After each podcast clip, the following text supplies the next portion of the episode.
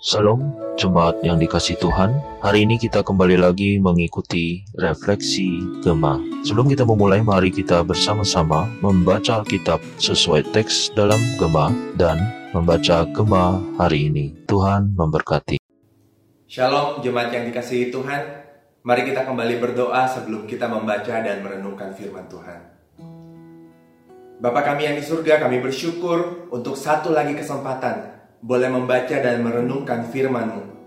Dan kami memohon Tuhan biarlah Engkau yang kembali mengurapi setiap kami, supaya kami dapat memahami apa yang Tuhan firmankan kepada kami.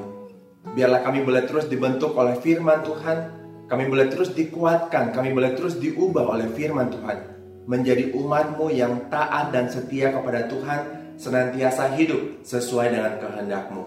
Terima kasih Tuhan, biarlah Engkau yang berbicara kepada kami pada saat ini. Dalam nama Tuhan Yesus kami berdoa dan kami bersyukur. Amin. Jemaat yang terkasih, tidak terasa sudah hampir dua minggu sejak kita memasuki tahun yang baru, tahun 2022. Tentu ada rencana kita yang berjalan sesuai dengan keinginan kita. Dan untuk itu kita patut bersyukur, kita senang dan kita ingin bersyukur atas kemurahan Tuhan bagi kita.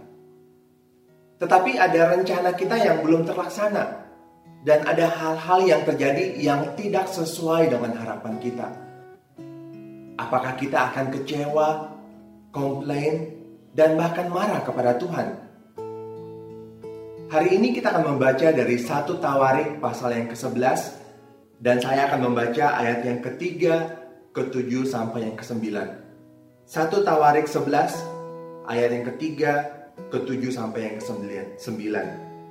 Ayat yang ketiga. Maka datanglah semua tua-tua Israel menghadap raja di Hebron. Lalu Daud mengadakan perjanjian dengan mereka di Hebron di hadapan Tuhan. Kemudian mereka mengurapi Daud menjadi raja atas Israel, seperti yang difirmankan Tuhan dengan perantaraan Samuel. Ayat yang ketujuh. Lalu Daud menetap di kubu pertahanan itu, sebab itu orang menamainya kota Daud. Ia memperkuat kota itu sekelilingnya, mulai dari Milo, bahkan sekelilingnya seluruhnya, sedang Yoab membangun kembali selebihnya dari kota itu. Lalu makin lama, makin besarlah kuasa Daud, sebab Tuhan semesta alam menyertainya. Demikian firman Tuhan. Saudara yang kekasih di pasal ini, Daud akhirnya dinobatkan menjadi Raja Israel setelah bertahun-tahun hidupnya itu dalam pengasingan, dikejar, dan diancam dibunuh oleh Raja Saul. Padahal Samuel telah mengurapi Daud untuk menjadi raja menggantikan Saul. Tetapi Daud tidak langsung menjadi raja, malah dia harus melalikan diri. Tinggal di negeri musuh untuk berlindung dari Saul, bahkan Daud pernah berpura-pura menjadi orang yang gila. Kalau kita berada dalam posisi Daud, Apakah kita akan tetap sabar menantikan waktu Tuhan? Atau kita akan memaksa mengambil alih kerajaan Israel dari Saul? Lagi pula, Saul telah ditolak oleh Tuhan dan Daud telah dipilih Tuhan untuk menjadi raja. Iya kan? Semua yang dialami Daud pada saat itu, semua penderitaannya tidak pernah diharapkan oleh Daud. Dia tidak pernah merencanakan menjadi raja Israel menggantikan Saul dan akhirnya harus dikejar untuk dibunuh. Tetapi Daud tetap percaya dan berharap kepada Tuhan. Daud tahu bahwa Tuhanlah yang memegang kendali atas segala yang terjadi, termasuk atas kehidupannya. Daud tahu bahwa Tuhan menyertainya dan Tuhanlah yang akan menentukan waktu yang tepat untuk mengangkat dirinya menjadi raja atas Israel. Karena itu Daud bisa sabar menantikan Tuhan bekerja dalam kehidupannya. Dan Daud akhirnya dinobatkan menjadi raja Israel dan dia memindahkan ibu kota kerajaan ke Yerusalem yang juga disebut Sion, kota Daud. Ia memperkuat kota itu sekelilingnya dan semakin hari kekuasaan Daud pun semakin besar. Tetapi di sini penulis Tawarik menjelaskan bahwa hal ini terjadi sebab Tuhan semesta alam menyertainya.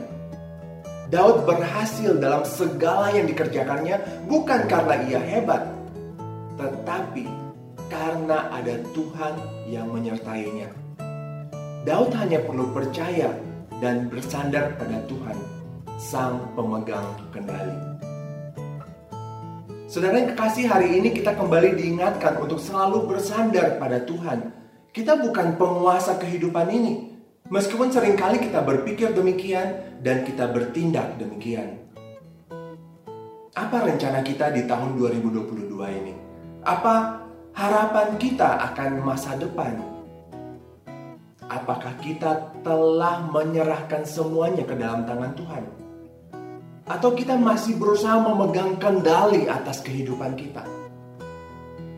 Ingatlah bahwa Tuhan yang memegang kendali atas kehidupan kita.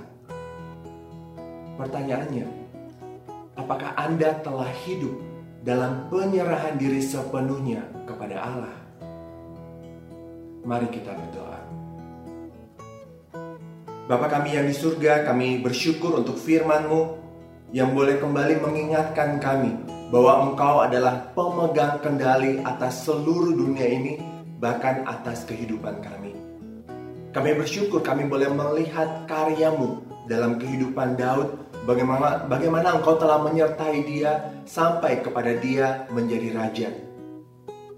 Dan karena itu Tuhan kami mohon supaya Engkau yang terus menolong kami, mengingatkan kami, supaya kami pun boleh terus percaya dan berharap kepada Engkau, Tuhan kami yang memegang kendali atas kehidupan kami.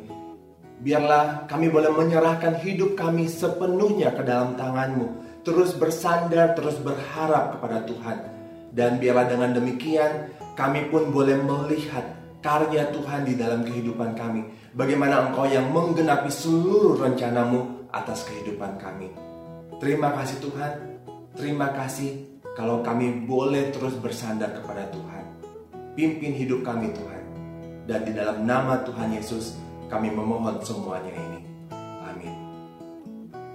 Tuhan Yesus memberkati kita.